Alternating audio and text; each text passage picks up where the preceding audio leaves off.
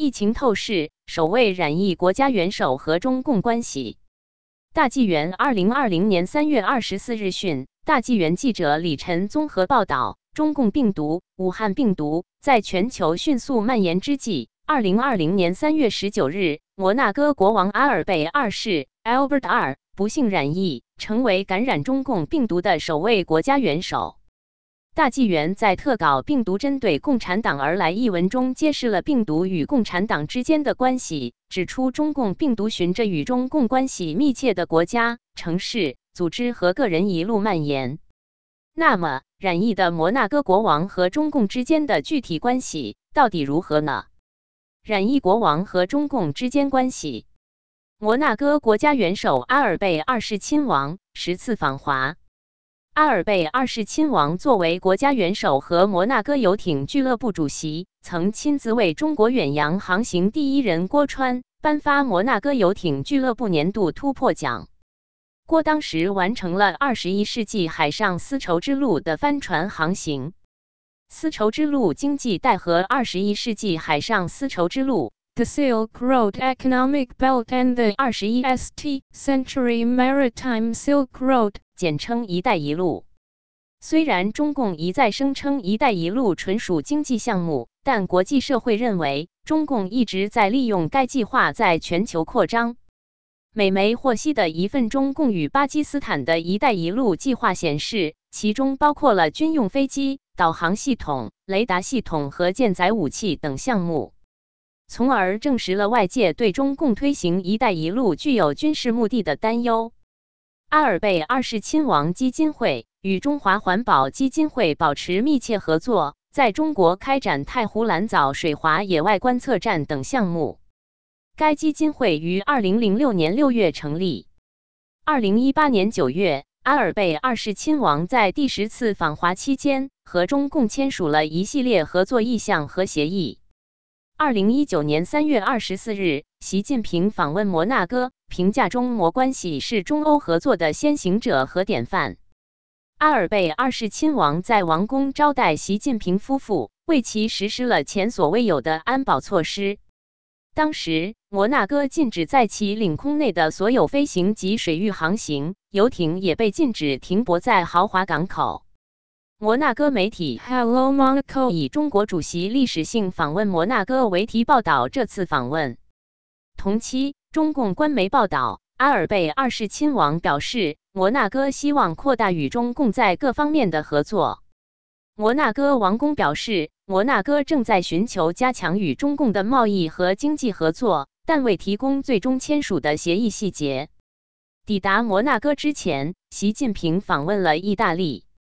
意大利刚刚批准了中共“一带一路”协议，法国总统马克龙批评了意大利的这一举动，呼吁欧洲协调一致对待中共。习访摩期间，美联社、美国之音等国际媒体纷纷表达了对摩纳哥和中共华为 5G 电信网络进行合作的担忧。摩纳哥已被中共华为 5G 网络全面覆盖。习访摩后的二零一九年七月九日，摩纳哥正式成为被中共军方背景的华为五 G 电信网络全面覆盖的国家。